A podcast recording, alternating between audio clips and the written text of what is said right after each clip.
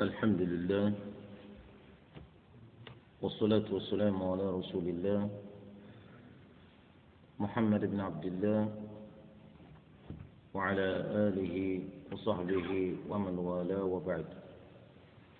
السلام عليكم ورحمة الله وبركاته. يقول المصنف رحمة الله عليه استطرادا في بيانه لفضائل الوضوء الثالثة أي الفضيلة الثالثة تكرار الموصولات مرتين أو ثلاثا والثلاث أفضل أي أن الإنسان إذا توضأ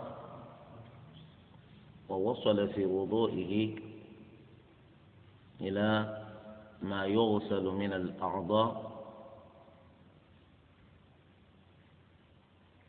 فعدم اكتفائه بالمرة في غسل تلك الأعضاء فضيلة. فإذا, فإذا غسل المغسولات من أعضاء الوضوء مرتين أو ثلاثا فهذا الفعل منه فضيلة.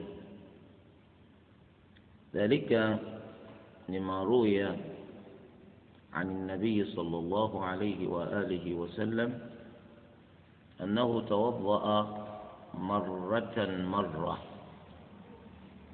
أي اكتفى في غسل أعضائه. لوضوئه بالمرة. وقال بعد ذلك الوضوء هذا وضوء لا يقبل الله الصلاة إلا به. هذا وضوء لا يقبل الله الصلاة إلا به. فأثبت النبي صلى الله عليه وآله وسلم القبول عند ثبوت الوضوء مرة مرة فدل ذلك على عدم وضوء عدم وجوب غيره.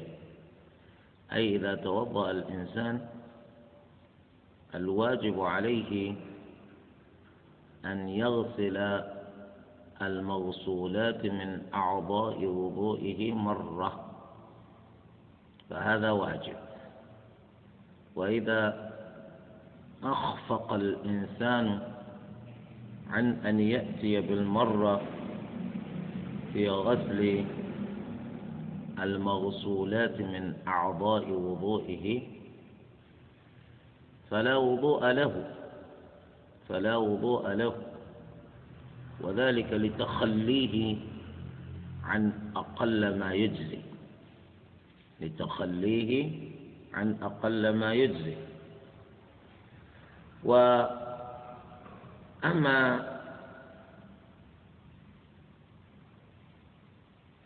المرتين والثلاث فهذا الفعل منك فضيلة. هذا الفعل منك فضيلة. ذلك لما ثبت في الصحيحين وفي غيرهما أن النبي صلى الله عليه وآله وسلم توضأ مرتين مرتين وتوضأ ثلاثا ثلاثا. فهذا القدر الزائد على الواجب فضيلة. وقد ذكر اللخمي من علماء المالكية لأن المرة واجبة والمرتين سنة والثلاث فضيلة والثلاث فضيلة. ولا شك أن الناس يختلفون أن الناس يختلفون في استيعاب الأعضاء المغسولة في الوضوء إذا توضأ فمنهم من يوعب تلك الأعضاء بالمرة. فهذا يكون قد أتى بالواجب. ومنهم من لا يستوعب الأعضاء المغسولة بالمرة. فإنما ربما ترك لمعة إذا غسل تلك الأعضاء مرة وإنما يتم التعميم منه إذا غسل الثانية أو الثالثة. فمن لم يوعب عضوه المغسول بالمرة يقال إن المر منه غير مجزئة وذلك لعدم فعله الواجب بالمرة. إذا فعل الواجب يتم لبعض المكلفين بأكثر من مرة. وإنما يتم فعل الواجب بالمرة لمن أوعب أعضاءه غسلا بالمرة. فهذا هو. فالإنسان الذي يتوضأ يستحب له ألا يكتفي بالمرة. لماذا مخافة أن يترك بعض الأعضاء المغسولة دون إيعاب؟ وقد جاء عن الإمام مالك في المدونة أنه جوز الاقتصار على المرة إلا أنه قيد ذلك بأن يكون المكتفي بالمرة عالما فقيها. وذلك لأن من شرط الاقتصار على المرة الإسباغ. والمعلوم أن الإسباغ لا يضبطه إلا الفقهاء. ولذلك ذكر الإمام ابن عبد البر عن الإمام مالك في كتابه الكافي في فقه أهل المدينة المالكي بأن مالكا يقول لا أحب المرة لغير فقيه. لا أحب المرة لغير فقيه والعلة معروفة وهي أن الفقيه هو الذي يجيد الإسباغ بالمرة وغير الفقيه قد لا يصبغ إلا بالثلاث غير الفقيه قد لا يصبغ إلا بالثلاث الرابعة من ثم الاقتصار هنا في التكرار في القول بالتكرار على المغسولات دون الممسوحات. لأن أعضاء الوضوء تنقسم إلى مغسولات وممسوحات. المغسولات وهي الأكثر وهي اليدان والوجه والرجلان والممسوحات وهي الرأس والأذنان. التكرار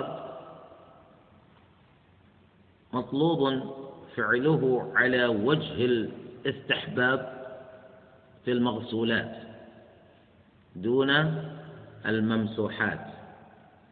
وذلك لأن الفقهاء يفرقون بين المغسولات والممسوحات بأن المغسولات مبناها على التغليظ.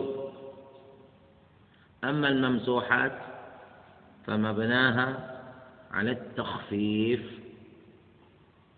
ولذلك أنت إذا أجلت النظر فيما أمر الشرع فيه بالمسح فإنك تجد أن الشريعة إنما تأمرك فيما تقوم بمسحه بأن تكتفي في ذلك بالمرة.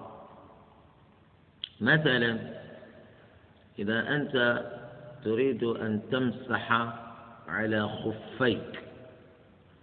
فالشريعة لا تأمرك في ذلك بأن تمسح خفيك مرتين ولا ثلاثة بل تمسح عليهم. كذلك آه، أنت مثلا لو أردت أن تمسح على الجبيرة تجد أن الشريعة لم تأمرك في ذلك بأن تمسح عليها مرتين ولا ثلاث. فما كان ممسوحا فالشأن فيه التخفيف. بخلاف ما كان موصولا فالشأن فيه التغليظ. ولذلك أنت تلاحظ حتى تفهم هذا أنك إذا أمرت بغسل عضو من الأعضاء فإنك تجد الفقهاء يقولون إثر ذلك لأنك مثلا يعني تخلل أصابع الرجلين وهل تخلل أصابع الرجلين وأصابع اليدين لماذا؟ لأن المقصود بالغسل الإيعاب الإيعاب الإسباغ وكيف يتم لك الإسباغ والإيعاب لا يتم لك ذلك إلا بإمرار يدك على كل جزء جزء من أجزاء ذلك العضو. لذلك تجدهم أنك إذا غسلت وجهك هل تكتفي في ذلك إذا كنت ملتحيا بإمرار اليد على اللحية دون تخليلها. فهم يقولون لك تمرر يدك على لحيتك إذا كانت اللحية كثيفة لأنها بذلك صارت بمثابة جزء من الوجه لأن المواجهة تتحقق بها. فإذا غسلت ظاهر لحيتك نقول قد أوعبت وجهك غسلا. وثم يقولون وهل يجب تخليلها؟ وهل يجب تخليلها؟ القصد الإسباغ هل بدون التخليل للحية نقول قد أسبغت وجهك غسلا أو لا؟ فهمتم هذا؟ ولذلك أنت ترى مثلا في المسح إذا جئت تتيمم أنت في التيمم المطلوب منك المسح أن تمسح وجهك ويديك لكن بشرط الإيعاب في التيمم بشرط الإيعاب في التيمم. لكن تجري الشريعة لم تأمرك بأن تمسح على كل عضو منهما أكثر من مرة. نجد في حديث عمار ابن ياسر رضي الله عنه أن النبي صلى الله عليه وسلم ذكر له حين ذكر له قصة جنابته وهو في السفر وجنابة عمر بن الخطاب رضي الله عنه وهو معه في نفس ذلك السفر أنه إذ أجنب هو على حدة وأجنب وقدر الله أن أجنب عمر في تلك الليلة أيضا على حدة. التقيا في الصباح فعلم هذا من هذا أنه أصيب بما أصيب به ولا ماء. فيقول عمار أما أنا فتمرغت في التراب كما تتمرغ الدابة.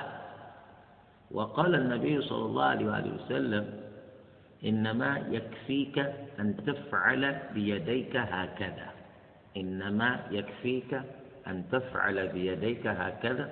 فضرب النبي صلى الله عليه وآله وسلم بيده الشريفة على الأرض ضربة واحدة. ومسح بهما وجهه ويديه. وما قالوا مرتين. وما قالوا ثلاث. لذا قالوا من كان شأنه المسح فمبناه في الشريعة على التخفيف. أما ما كان شأنه على المسح فالأمر فيه على التغليظ. وهكذا.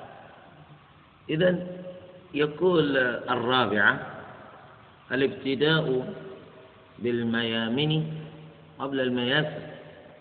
هذا لا يعلم من الآية لأن ربنا عز وجل يقول يا أيها الذين آمنوا إذا قمتم إلى الصلاة فاغسلوا وجوهكم وأيديكم إلى المرافق. وامسحوا برؤوسكم وأرجلكم إلى الكعبين. ومعلوم أن اليدين يمنى ويسرى والرجلين يمنى ويسرى. ولم يتطرق ربنا لذكر تقديم اليمنى على اليسرى لا في اليدين ولا في الرجلين. فأنى لنا أن نصل إلى القول الفصل في أيهما يقدم إلا من سنة النبي صلى الله عليه وآله وسلم. قد جاء في الأحاديث التي وردت فيها صفة وضوء النبي صلى الله عليه وآله وسلم عن جمع من الصحابة أنهم ذكروا أن النبي صلى الله عليه وسلم كان يبدأ بغسل يده اليمنى قبل اليسرى ورجله ويغسل رجله اليمنى قبل اليسرى. النبي هو المبين عن الله هو المبين عن الله فنأخذ ببيانه صلوات ربي وسلامه عليه. ولماذا ما قالوا؟ حكم فعل الوضوء بهذه الكيفية حكم العضو المغسول يعني إذا كان حكم غسل اليدين واجبا وحكم غسل الرجلين واجبا لماذا لا يكون تقديم اليمنى على اليسرى واجبا؟ ولا يكون تقديم اليمنى على اليسرى في الرجلين أيضا واجب. قالوا لأن المقصود من هذه الأعضاء إسباغها غسلا في الوضوء. إسباغها غسلا في الوضوء بصرف النظر بصرف النظر عن المقدم. من العضوين. فلأجل هذا يقولون فضيلة. لأجل هذا قالوا عنه فضيلة. بمعنى لو توضأ أحد الناس فقدم اليسرى على اليمنى. ماذا نقول في وضوئه؟ إذا قدم اليسرى على اليمنى. نجد أنه جاء في رواية عن عبد الله بن مسعود رضي الله عنه. يقولون يقول ما نبالي بدأنا بأيماننا أو بأيسارنا. ما نبالي بدأنا بأيماننا أو أيسارنا. فمن أجل هذا يقول بعض الفقهاء هذه فضيلة. لو قدمت اليسرى على اليمنى فضيلة. يعني تقديم اليمنى على اليسرى فضيلة. ولو تخليت بذلك لا يبطل وضوءك بذلك. على كل حال فعل الوضوء كما فعل النبي صلى الله عليه وسلم هو الأفضل وهو المطلوب وهو الذي لا يحيد عنه مسلم. يريد ويرغب أن يؤجر ويثاب من الله عز وجل.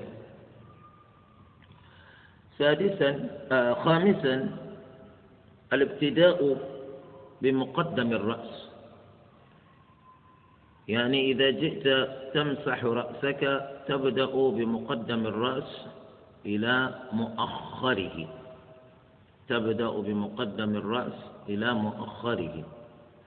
وبه أتى حديث في وصف مسح النبي صلى الله عليه وآله وسلم رأسه في الوضوء إلا أنه جاء في رواية أخرى أنه صلى الله عليه وسلم ربما بدأ بمسح مؤخره قبل مقدم رأسه فيستوي الأمران يستوي الأمران وهذا هو الصواب إن شاء الله. أنه لو بدأت بالمؤخر قبل المقدم فإن ذلك لا يخل بوضوئك. ولو بدأت بالمقدم قبل المؤخر فهذا جائز.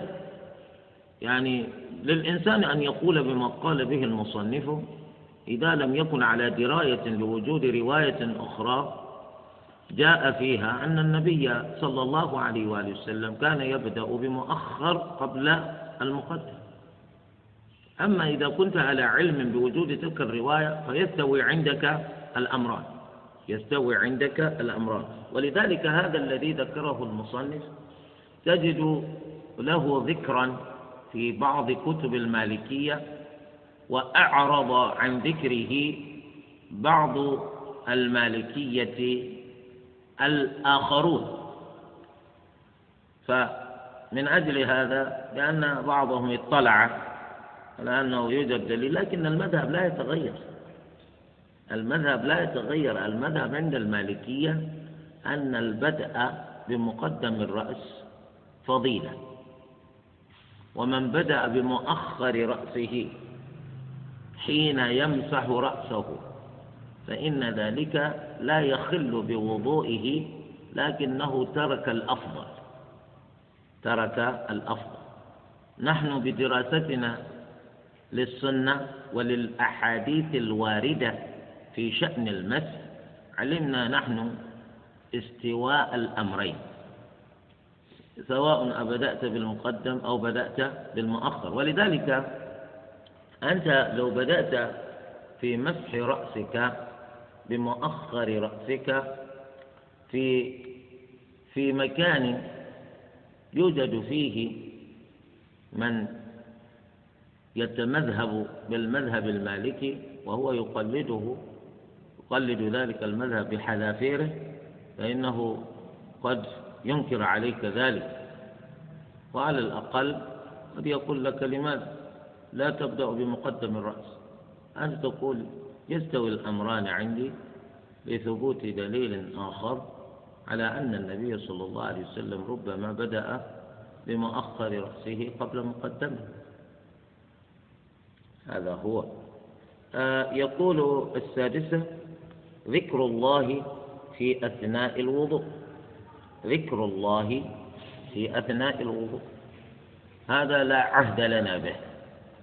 أن يكون الإنسان يذكر الله عز وجل في ثنايا وضوئه هذا ما ورد به دليل صحيح. ما ورد به دليل صحيح مقبول.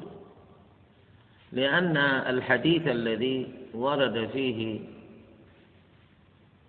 ما يذكره المسلم في أثناء وضوئه حديث لا يصح. لأن ذلك الحديث ورد فيه أنك إذا آه، بدأت بغسل يديك تقول كذا وإذا تمضمضت وإذا استنشقت وإذا غسلت وجهك وإذا وإذا. يعني مثلا هو يقول يعني إذا غسلت يدك اليمنى تقول اللهم اجعلني ممن يعني يستلمون كتابهم بيمينهم يوم القيامة. وإذا جئت تغسل شمالك تقول اللهم لا تجعلني ممن يستلمون كتابهم بشمالهم. ها؟ يعني إذا جئت تغسل وجهك اللهم اجعل وجهي ناظرة. إلى ربها ناظرة. شيء كهذا يعني كل هذا لا يثبت. ورد ولكنه لا يثبت فهو مردود. فلذلك الذكر الوحيد الذي يأتي به الإنسان في وضوئه يكون في أوله وهو البسملة. وقد ذكرنا القول في ذلك وقلنا الصواب في ذلك أنك تبسمل. تبسمل في أول وضوئك. ولا وجود لذكر آخر تأتي به ثابت إلا في نهاية وضوئك إلا في نهاية وضوئك وربما يقول الفقهاء كل عبادة بدأت بذكر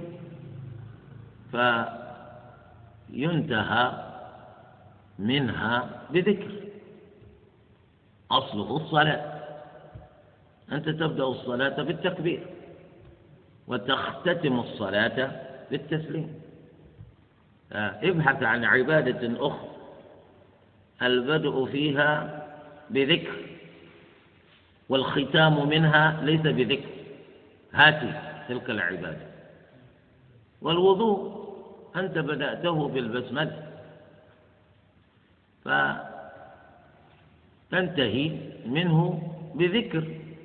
وهذا الذكر هو أشهد أن لا إله إلا الله وحده لا شريك له وأشهد أن محمدا عبده ورسوله. طبعا إلى هذا الحد جاء في الصحيح. إلى هذا الحد جاء في الصحيح. يعني من قال هذا الذكر آه، إثر وضوئه فورد ما له من فضيلة في الصحيح أي أنه تفتح له أبواب الجنة الثمانية يدخل من أيها شاء. وأتت الزيادة في الترمذي وغير الترمذي أنه يقول بعد ذلك طبعا يقول أشهد أن لا إله إلا الله وحده لا شريك له وأشهد أن محمدا عبده ورسوله وما في صلى الله عليه وسلم. ما في زيادة صلى الله عليه وسلم. هذا ورد في مسلم وفي غير مسلم. لكن اللهم اجعلني من التوابين واجعلني من المتطهرين. هذا ورد ذكره وردت هذه الزيادة عند الإمام أبي عيسى الترمذي رحمه الله. وهو أيضا ثابت. وهو أيضا ثابت والفضيلة المترتبة على ذكر هذا في آخر الوضوء هو أن من واظب على ذكر ذلك بعد وضوئه تفتح له يوم القيامة أبواب الجنة الثمانية ليدخل من أيها شاء. هذه فضيلة ومنقبة. يعني أنت تفتح لك أبواب الجنة الثمانية وبمثل هذا الحديث علمنا أن للجنة ثمانية أبواب. علمنا أن للجنة ثمانية أبواب وليس معنى ذلك أن الجنان ثمانية. فهمتم؟ الجنة لها ثمانية أبواب. إلا أنها درجات. كما النار دركات. النار دركات إلى انحطاط والجنة درجات إلى العلو الاعتلاء. فأبواب الجنة ثمانية وباب الجنة ليس كباب ليس ليس كأبوابنا في الدنيا. ليس كأبوابنا في الدنيا ولذلك أنت تجد في بعض الأحاديث أن ما بين مصراعي باب من أبواب الجنة كما بين مكة إلى اليمن.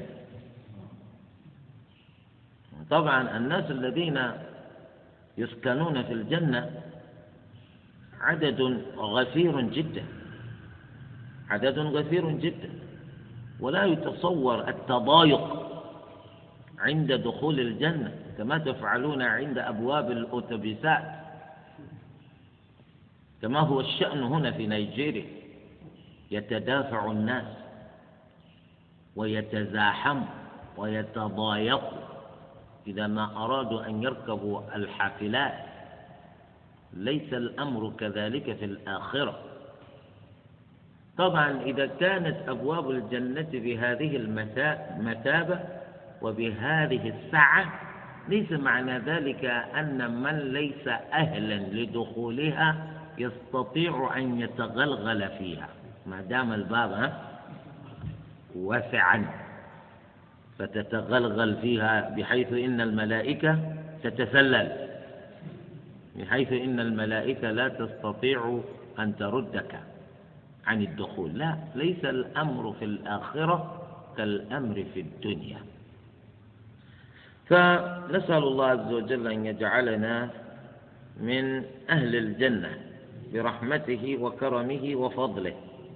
فانتبهوا هنا. هناك خطأ يقع فيه بعض طلبة العلم فيما يتعلق بهذا الذكر آه، المأثور للإتيان به إثر الوضوء. إذا إن بعضهم يزيد في هذا الدعاء فيقول واجعلني من عبادك الصالحين. الذي ورد اللهم اجعلني من التوابين واجعلني من المتطهرين. إلى هنا بس. وهم يزيدون.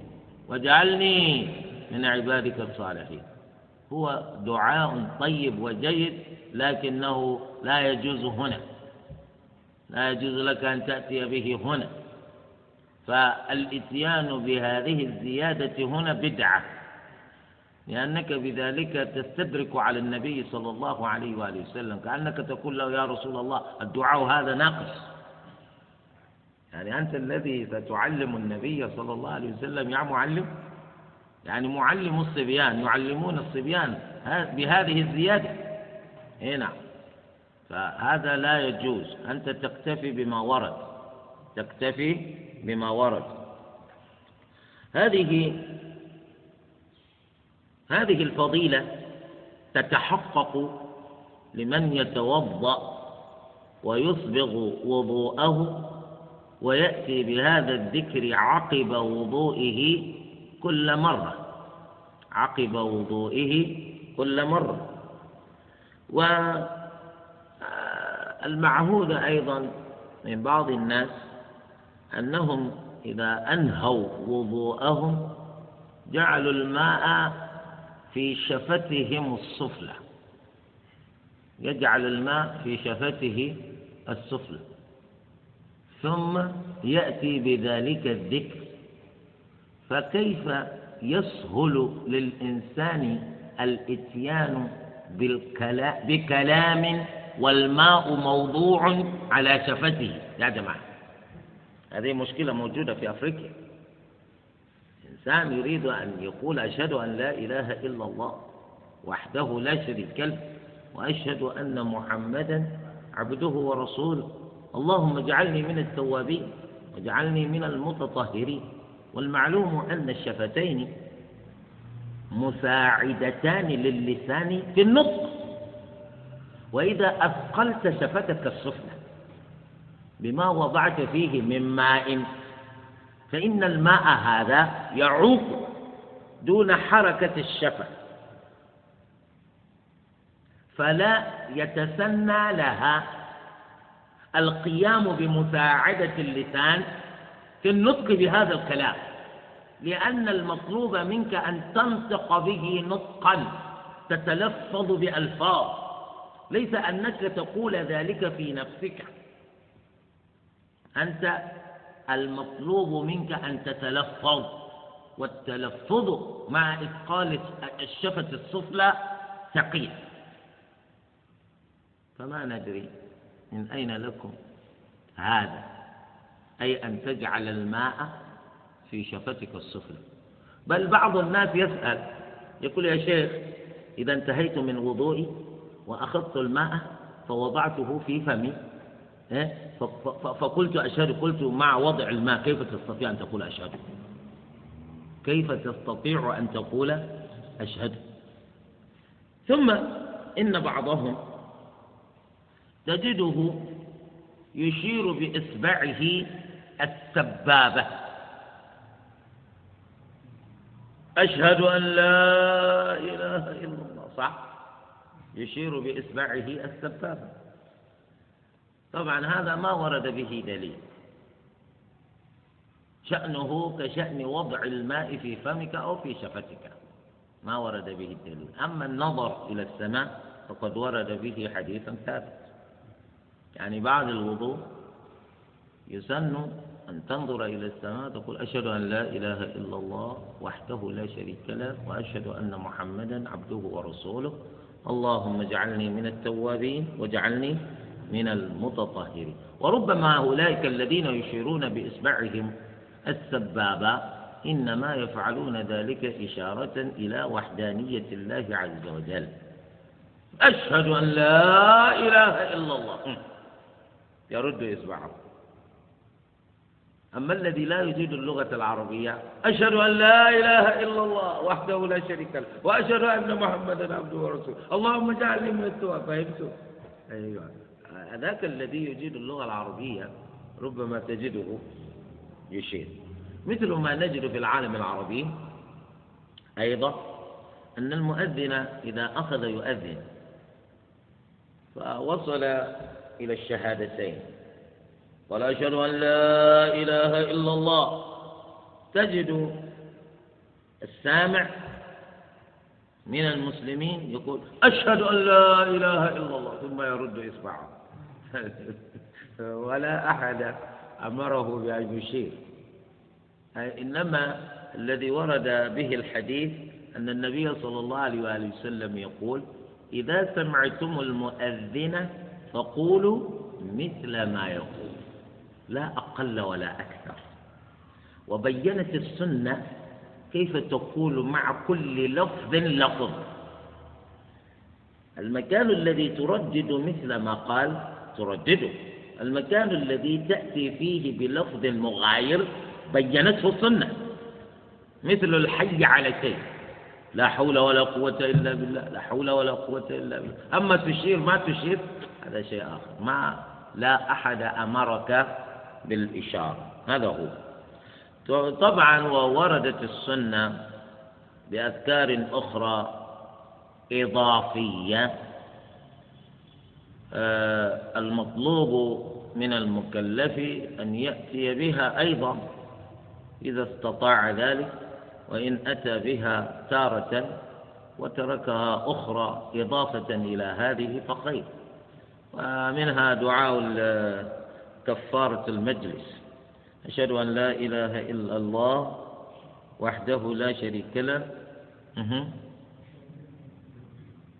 سبحانك اللهم وبحمدك. أشهد أن لا إله إلا أنت أستغفرك وأتوب إليك. تأتي به في نهاية وضوئك أيضا. هذا وردت به السنة الثابتة. هذا هو. يقول وزاد الشافعي مسح الرقبة. أي من فضائل الوضوء عند الإمام الشافعي مسح الرقبة. ما أدري. في الماضي كنت اطلعت على ذكر هذا في كتب الحنفية. الحنفية يقولون بمسح الرقبة في الوضوء. ربما الشافعية يقولون ذلك أيضا. أي أنك إذا توضأت غسلت وجهك تمسح رقبتك أيضا. طبعا هذا الحديث الذي ورد فيه ذكر ذلك ضعيف غير ثابت. فلذلك لا نلتفت إليه.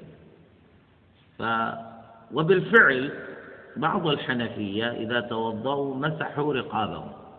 مسحوا رقابهم. هذا أنت لست مطالبا بمسح رقبتك في الوضوء. وأما جعل الإناء على اليمين أي ذكروا أن من فضائل الوضوء أن تجعل إناء الماء على يمينك. لماذا يقول لأن ذلك أمكن له؟ أي أمكن لك أن تجعل الإناء على يمينك في تناول الماء. إذا أردت أن تنال الماء للوضوء وكان ذلك الإناء على يمينك يكون ذلك أمكن لك. يكون أيسر لك. أسهل لك في تناول الماء. بخلاف ما إذا جعلت الإناء على يسارك. فإن ذلك أصعب وأشق. لكن ذلك يتعلق بوضع فتح الإناء. هل فتح الإناء واسعا أو ضيقا؟ إذا كان فتح الإناء أي فم الإناء واسعا فإن وضعه على اليمين أمكن. وهكذا فعل النبي صلى الله عليه وآله وسلم لما كان فم الإناء واسعا. أما إذا كان فتح الإناء أي فمه ضيقا فإن وضعه على اليسار أيسر كالشأن في الأباريق. من أراد أن يتوضأ بماء موضوع في الإبريق فالأيسر له أن يضع الإبريق على على يساره. لا على يمينه. ولو جربت ذلك لعلمت ذلك. طبعا لا ضير. إذا وضعت الإناء على شمالك أو وضعت الإبريق على يمينك لا ضير. المهم أن تتوضأ. فهمتم هذا؟ ولذلك قالوا فضيلة. المهم أن تتوضأ. هذا هو. وأما مكروهاته أي مكروهات الوضوء. الأشياء التي يكره فعلها في الوضوء. ولكن إذا فعلها المكلف فإنه فإن ذلك الفعل لا يعود على وضوئه بالإبطال أي لا يبطل وضوءه. ولذلك قالوا عنه مكروه. ما تركه أولى من فعله. وهو ما يمدح تاركه شرعا ولا يذم فاعله شرعا. هذا هو حد المكروه في الشريعة. وإلا المكروه يأتي بمعنى المحرم المحظور. لكن من حيث اصطلاح الفقهاء والأصوليين يقولون المكروه هو ما يمدح تاركه شرعا ولا يذم فاعله شرعا. ربنا عز وجل ذكر مجموعة من المنهيات التي هي من كبائر العظام. قال ربنا كل ذلك كان سيئه عند ربك مكروها. ليس مكروه بمعنى المصطلح عليه عند الفقهاء.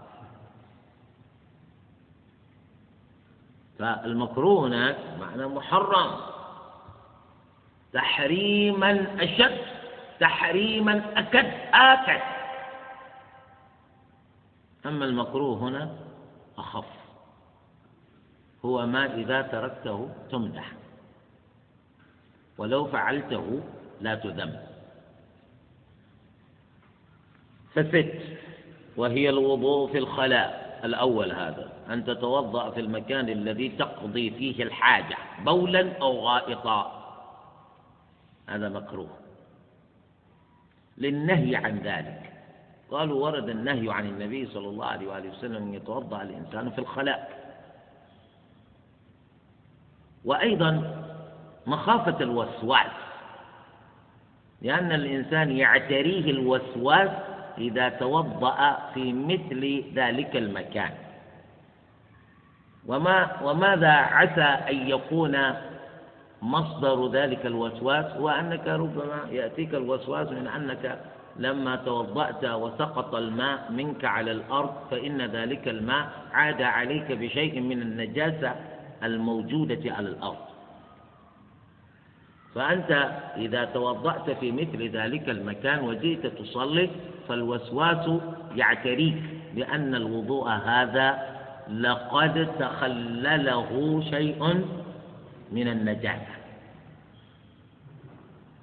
ومن أجل هذا تجدون أن العلماء يختلفون ويذكرون أقوالا اليوم في حكم الوضوء في دورات المياه.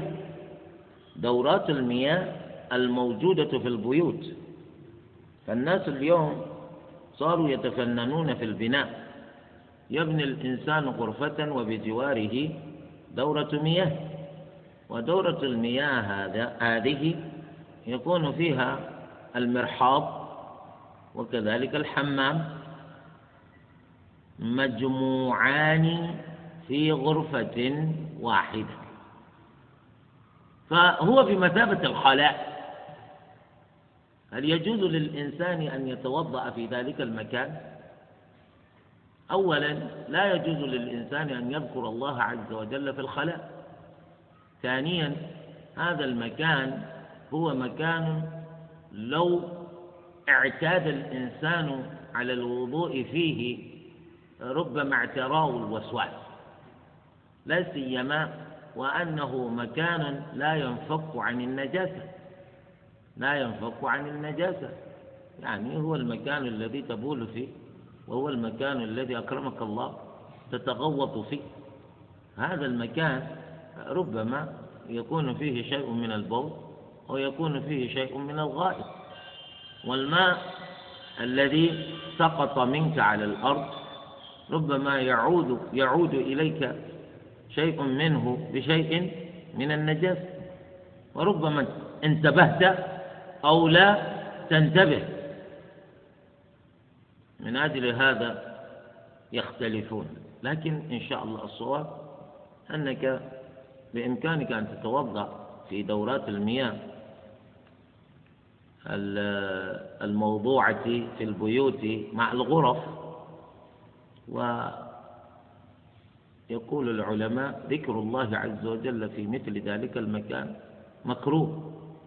ولكن ذكر اسم الله عز وجل في أول الوضوء واجب. فأنت تقدم الواجب على المكروه. أي وإن وإن كنت بذكرك الله في أول وضوئك في الخلاء قد ارتكبت مكروها إلا أنك قد أتيت بواجب. فيخف الأمر إن شاء الله. لكن عليك أن تحتاط. إذا كان في استطاعتك أن تتوضع في الخارج توضع في الخارج. وإذا كان لابد أن تتوضع في الداخل إذا توضعت في الداخل تحتاط حتى لا يعود إلى جسمك شيء من النجاسة التي هي على الأرض. وهكذا. والكلام بغير ذكر الله تعالى أي إذا توضأت من مكروهات الوضوء أن تتكلم بكلام ليس من ذكر الله تعالى. طبعا هذا يعني ما في دليل. آه، الشريعة ما منعتنا من الكلام. في أثناء الوضوء لأن الوضوء ليس صلاة ليس صلاة. أما في الصلاة فإن الله عز وجل قد نهانا عن الكلام. لقد كان الناس يتكلمون في صلاتهم أول الإسلام ثم أتى النهي عن ذلك. فجاء في حديث زيد بن أرقم أن النبي صلى الله عليه وسلم أنهم كانوا يتكلمون في الصلاة حتى أنزل الله عز وجل قوله وقوموا لله قانتين. وقوموا لله قانتين.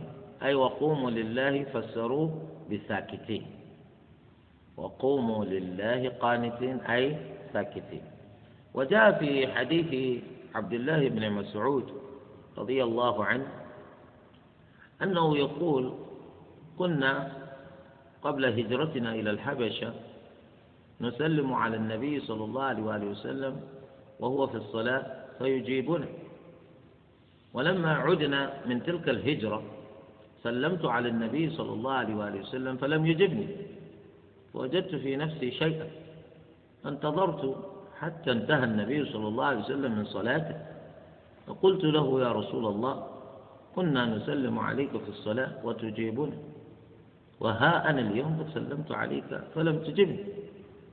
فقال النبي صلى الله عليه وآله وسلم إن الله يحدث من أمره ما شاء وقد أحدث من أمره ألا تكلموا في الصلاة. وقد أحدث أي فقد أحدث حكما جديدا في دينه ألا تكلموا في الصلاة. هذا في الصلاة أما الوضوء فلا. أما الوضوء فلا. ما في دليل. يقول لا تتكلم في الصلاة إلا أن تذكر الله. ما في. لكن عليك أن تراعي يا عبد الله ما هو الكلام الذي يصدر منك وأنت تتوضأ. مثل الذي يتكلم في الفواحش والمنكرات وهو يتوضأ. هذا يكون قليل الحياء. يعني لا يخاف الله ولا يستحي من الناس. أو مثل الذي إذا أتى ليتوضأ لا يجد حديثا يتناوله بلسانه إلا حديث القرى. يقول اليوم مباراة بين الأزرق والأحمر. نحن تشيلسي وأنتم من يو؟ اليوم بيننا معركة. يا أخي أنت تتوضأ. أنت تتوضأ يا أخي. مثل الذي يعني يأتي بالشتات واللعن وهو يتوضأ. يا أخي ومثل الذي يكذب وهو يتوضأ اللي يغتاب وهو يتوضأ. كل هذه الأشياء ينبغي للإنسان أن يبعد عنها لسانه إذا توضأ. لا تنسى وأنت تتوضأ أنك تتأهب لمناجاة ربنا. فلا تدنس استعدادك بمثل هذه الأشياء. فانتبه. ثم قوله آه، بغير ذكر الله تعالى ما هو الذكر المشروع أن تأتي به في أثناء الوضوء؟ قلنا لا يوجد إلا في أول الوضوء وإلا في آخر الوضوء. وإلا الإنسان دائما مطلوب أن يذكر الله. المطلوب منك أن تذكر الله دائما. يا أيها الذين آمنوا اذكروا الله ذكرا كثيرا وسبحوه بكرة وأصيلا. أما أن يكون ذلك الذكر ذكرا بعينه هذا يحتاج إلى دليل. أي في أثناء الوضوء أن يكون الذكر ذكرا معينا دون غيره هذا يحتاج إلى دليل. آه، آه، ذاك الصحابي الذي أتى إلى النبي صلى الله عليه وآله وسلم فقال له إن شرع الله في الإسلام قد ثقل علي فعلمني شيئا أتشبث به. فقال النبي صلى الله عليه وآله وسلم لا يزال لسانك رطبا من ذكر الله. لا يزال لسانك رطبا من ذكر الله. فإذا كان لسان الإنسان رطبا بذكر الله فإنه يذكر الله على جميع أحيانه إلا إذا كان بحيث لا يجوز له أن يذكر الله كمن في الخلاء كمن يجامع زوجته أو نحو ذلك. فأنت دائما يا عبد الله المطلوب منك أن تذكر الله دائما. والذكر يكون بما شرع لا يكون بما ابتدع. لأن الذي يتمسك بالكتاب والسنة هو دائما يتجنب البدع في الأقوال وفي الأفعال حتى في الاعتقاد. أنت تتجنب البدع.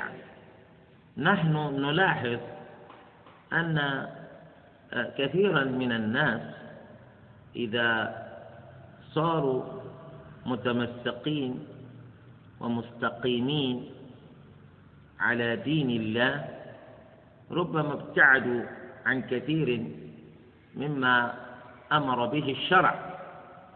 تجدهم قليلي الذكر. وربنا يقول يا أيها الذين آمنوا اذكروا الله ذكرا كثيرا. يقول أخاف أن أصنف أن أصنف بأني قد تصوفت. قل أخاف أن يقال إنه صار صوفيا. يا أخي أنت تذكر الله بما شرع. الناس دائما هم يقولون ما لا علم لهم به. لأن الذي يريد أن يجني على نفسه ويتكلم بما لا علم له به. وأن ربنا عز وجل يقول ولا تقف ما ليس لك به علم. وأنت لا يعني لا تلتفت إلى ما يقول الناس بقدر ما تسعى لنيل مرضاة الرب. فالمسلم الحق يداوم على ذكر الله كما يداوم على الصلاة على النبي صلى الله عليه وآله وسلم. لكن كل ذلك بما ورد لا بما ابتدع كأن تقول سبحان الله وبحمده عدد خلقه ورضا نفسه وزنة عرشه ومداد كلماته. أنت تردد هذا كثيرا في حياتك. دون قيد ودون شرط. أي لا تحدد ذلك بعدد ولا بموضع ولا بيوم ولا بكيفية لم يرد بها الشرع. وتصلي على النبي صلى الله عليه وآله وسلم كثيرا. الصلاة الإبراهيمية. وتقول اللهم صل وسلم على محمد. هذا ورد به أيضا الحديث الذي يرويه الإمام الطبراني في معجمه. أن تقول مثل هذا كثيرا. أما أن تترك العبادة من أجل ألا تصنف بأنك صرت صوفية ثم تأتي يوم القيامة ما عندك شيء إلا أنك تدعي أني من أهل السنة. أهل السنة معناه الذين لا يعبدون الله. أهل السنة معناه الذين تخلوا عن ذكر الله. أهل السنة معناه الذين تخلوا عن الصلاة على النبي صلى الله عليه وآله وسلم. أبدا. يعني انتماؤك إلى السنة يعني العمل. لكن متأسيا بالنبي صلى الله عليه وآله وسلم. مبتعدا عن البدع. فانتبه لهذا. ثم والإكثار من صب الماء من مكروهات الوضوء. يعني أنك تصرف في الماء. لا تصرف في الماء إذا توضأت. فقد جاء في الحديث الصحيح عن جابر بن عبد الله رضي الله عنه أن النبي صلى الله وفي وفي أحاديث غيره أن النبي صلى الله عليه وسلم كان يتوضأ بالمد أو بأقل من مد. بمد أو بأقل من مد وأنه صلى الله عليه وسلم كان يغتسل بالصاع. والصاع أربعة أمداد بمد النبي صلى الله عليه وآله وسلم. ورجل سأل جابر عن الماء عن قدر الماء الذي يتوضأ النبي صلى الله عليه وآله وسلم به ويغتسل. فذكر له جابر رضي الله عنه هذا ف يعني استقله ورآه قليلا. ما يكفيني. أما أنا فلا يكفيني ذلك. مت للوضوء صعب للغسل ما يكفي. فقال له جابر فقد كان يكفي من كان خير منك وأوفر منك شعرا. كان يكفي النبي صلى الله عليه وسلم هو أفضل هذه الأمة. وأكثر منك شعرا قد كان يكفيه الصاع في الغسل ويكفيه المد في الوضوء. هذا هو. طبعا جاء في حديث أنه وهو حديث ضعيف. طبعا حتى لا تستدل به. لا تفرط ولو كنت على ماء جار. وهو حديث ضعيف. لا يثبت عن النبي صلى الله عليه وسلم. إنما الذي يستنبط منه كراهية الإكثار من الماء في الوضوء وفي الغسل ما جاء في الحديث الثابت أن النبي صلى الله عليه وسلم يقول يأتي قوم من أمتي يسرفون في الطهارة والدعاء أو كما قال صلى الله عليه وسلم أي سيأتي قوم من هذه الأمة يسرفون في الطهارة ويسرفون في الدعاء. وفسر العلماء الإسراف في الطهارة بالإسراف في الوضوء أن الإسراف في الوضوء يدخل في ذلك. كذلك الذي يعتدي بأن يغسل الأعضاء المغسولة أكثر من ثلاث مرات. هذا اعتداء. يعني الشريعة أمرتك أن تغسل المغسولات من الأعضاء ثلاث مرات. أنت تغسلها سبع مرات عشر مرات. هذا يقال له إسراف اعتداء. أي اعتداء. يأتي قوم من أمتي يعتدون يعتدون يعتدون في الطهارة والدعاء. والإعتداء في الطهارة يدخل في ذلك الإسراف في الماء. والله أعلم. ثم يقول والاقتصار على مرة واحدة في المغسولات. إلا العالم بالوضوء. هذا من مكروهات الوضوء. وقد ذكرنا أن من فضيلة الوضوء تكرار غسل المغسولات من الأعضاء حتى تغسلها مرتين أو ثلاث. ومن مكروهات الوضوء الاكتفاء بالمرة لغير العالم. إذا كان الإنسان غير عالم فلا يكتفي بالمرة في غسل المغسولات من أعضاء وضوئه فاقتفاؤه بالمرة مكروه لماذا؟ لأنه ربما لا يسبغ بالمرة والمطلوب في الوضوء الإسباغ الإسباغ الإيعاب وبالمرة لا تسبغ فيكون اقتفاؤك على المرة مكروها. هذا هو. أما العالم يقولون العالم هذا أدرى بما يطلب من الإنسان فعله في الوضوء.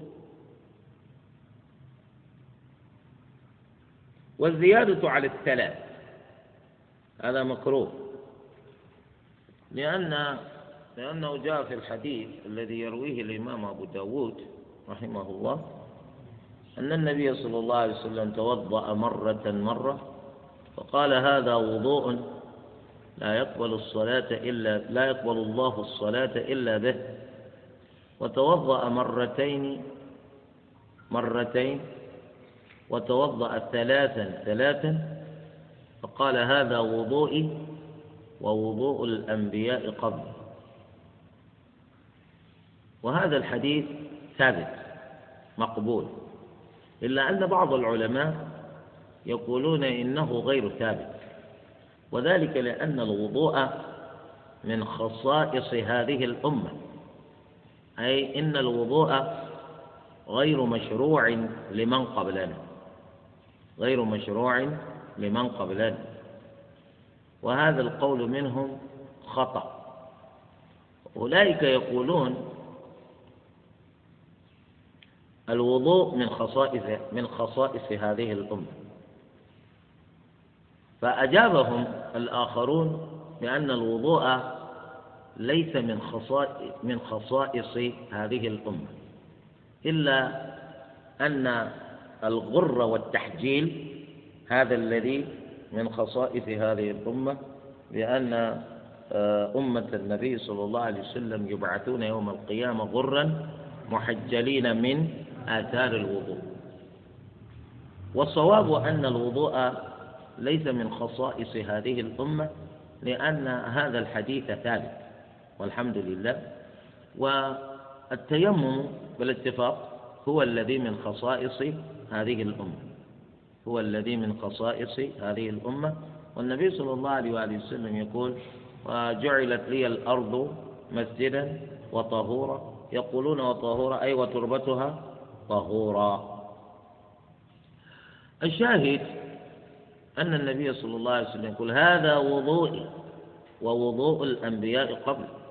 دليل على أن الأنبياء السابقين الذين ذكر الله عنهم أنهم يصلون ويأمرون أهلهم بالصلاة لا يصلون إلا بعد وضوء. هم أيضا يتوضؤون كما نتوضأ. وأنهم يغسلون المغسولات من أعضاء وضوئهم ثلاثا ثلاثا. لكن الواحد لا يستطيع أن يجزم بأن كيفية وضوئهم هو كيفية وضوئنا. لا يستطيع الإنسان أن يجزم بذلك. ولا يستطيع الإنسان كذلك أن يجزم بأن أعضاء الوضوء عندهم هو عينها أعضاء الوضوء عندنا. لا يستطيع الإنسان أن يجزم بذلك. لكن الذي نستطيع أن نجزم به دون تردد هو أنهم يتوضؤون وأننا نتوضأ. ويستطيع الإنسان أيضا أن يجزم بأنهم يغسلون أعضاءهم المغسولة في وضوئهم ثلاثا ثلاثا بدليل قول النبي صلى الله عليه وسلم حين توضأ مرتين مرتين وثلاثا وثلاثا قال هذا وضوئي ووضوء الأنبياء قبلي. ثم قال النبي صلى الله عليه وسلم في ختام ذلك الحديث فمن زاد أو استزاد فقد تعدى وظلم. أي فمن زاد على ثلاث إذا كان هو الذي يباشر الوضوء بنفسه يوضئ نفسه بنفسه. فزاد في المغسولات من أعضاء وضوئه فغسلها أكثر من ثلاث. أو استزاد يعينه غيره على الوضوء. وطلب ممن يعينه أن يغسله رابعا خامسا. فقد تعدى أي تجاوز الحد؟ وظلم. فهذا الحديث لهو دليل على على النهي عن الزيادة على الثلاث. والنهي هذا هل هو للتحريم؟ أو هو للكراهة كراهة التنزيه. من العلماء من يقول هذا الحديث يدل على تحريم الزيادة على الثلاث. ومنهم من يقول كراهية الزيادة على الثلاث. والوضوء في أواني الذهب والفضة. ولذلك أنت إذا كنت تتوضأ وترددت في عضو من الأعضاء. أو قد غسلتها غسلته ثلاثا أو إنما غسلته مرتين. ماذا تفعل؟ وأنت لا تريد أن يقل غسلك لذلك العضو عن ثلاث ولا تريد أن تزيد على ثلاث. ماذا تفعل؟ هنا الفقه. نقول إذا ترددت فأنت تبني على اليقين. تبني على اليقين. اليقين مرتين. الشك في المرة الثالثة تغسل الثالثة. وإذا اكتفيت بالمرتين ما في إشكال. ما في الإشكال. بخلاف ما إذا ترددت بين أو قد غسلته أو ما غسلته البتة. فإنك تغسله. لأن الشك أنك لم تغسل. أنك قد غسلت واليقين أنك ما غسلت. الشك أنك قد غسلت واليقين أنك ما غسلت. فما بال الماء الذي على ذلك العضو؟ وأنت تتردد بين أو قد غسلت أو ما غسلت. نقول إنه بلل. إنه بلل. نتج عن ما يتطاير من ماء الوضوء. ربما حين غسلت وجهك تطاير الماء. فهمتم؟ هكذا. نعم. والوضوء في أواني الذهب والفضة هذا مكروه. هذا مكروه. هذا فعل الجبارين الجبابرة من الناس.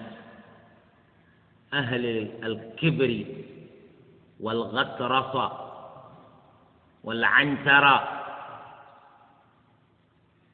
الذين يرون أنفسهم ولا يرون لغيرهم وجودا. هم الذين يفعلون ذلك. من لا خلاق لهم في الآخرة؟ هم الذين يلجؤون إلى الوضوء في إناء الذهب أو الفضة. ولأجل هذا المسلم يتجنب مثل هذا الفعل. يتجنب مثل هذا الفعل. لا تتوضأ بماء موضوع في إناء الذهب أو الفضة. أنت لست منهيا عن اتخاذ آنية الذهب ولا آنية الفضة. أنت ما نهاك الشرع عن اتخاذها وإنما نهاك الشرع عن استعمالها. نهاك الشرع عن استعمالها. ولا يسلم منك القول لو قلت كيف جاز لي اتخاذه ولم يجز لي استعماله. نقول القول بجواز الاتخاذ لا يكون ذريعة لجواز الاستعمال. هذا في آنية الذهب والفضة. وذلك لأن اتخاذها مال. هذا مال. ولا يلزم من جواز مشروعية اتخاذها مشروعية استعمالها. أنت تتخذها وتدخرها مالا ولكنك لا تستعملها في حاجاتك اليومية. هذا هو. ولذلك يقول العلماء هل النهي هل النهي عن الاستعمال نهي عن الاتخاذ الصواب ليس ليس النهي عن الاستعمال نهيا عن الاتخاذ. هذا هو. لأنك تقتني تلك الأواني كأموال تدخرها ولك أن تبيعها إذا دعت الحاجة إلى ذلك. ولكنك لا تستعملها لا لشرب ولا لأكل ولا للاستعمالات الأخرى. وقيل في هذا إنه حرام لأن النبي صلى الله عليه وسلم نهى عن ذلك وذكر لنا أن ذلك لغيرنا وإنما هو لنا في الآخرة. وغيرنا هنا الكفار. والمسح بالمنديل جائز. أي إذا توضأ الإنسان وأراد أن ينشف أعضاءه بالمنديل هذا يقولون يجوز وإن كان الإمام الشافعي يستحب تركه يستحب تركه لأن الأحاديث التي وردت في ذلك يعني جلها لا يثبت. ويوجد حديث يقول بعض العلماء بثبوته أن النبي صلى الله عليه وسلم كان ينشف أعضاءه إذا توضأ. إذا ثبت ذلك الحديث دل ذلك على أنه يعني يجوز. أنت إذا جففت جسمك بالمنديل بعد الوضوء أو بغير ذلك فإن ذلك لا يخل بوضوئك. لا يخل بوضوئك. وإلا الأحاديث التي وردت في ذلك في سنن أبي عيسى الترمذي أن النبي صلى الله عليه وسلم توضأ ومسح وجهه بطرف ثوبه وهذا الحديث يقول أبو عيسى ضعيف.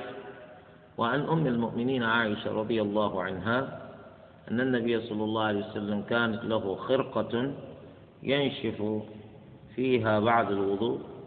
هذا الحديث أيضا يقول الإمام أبو عيسى الترمذي إسناده ضعيف بل هو يقول لا يصح في هذا الباب شيء طبعا نقول عنده لأن غيره يعني يرى أن حديثا في ذلك ثابت.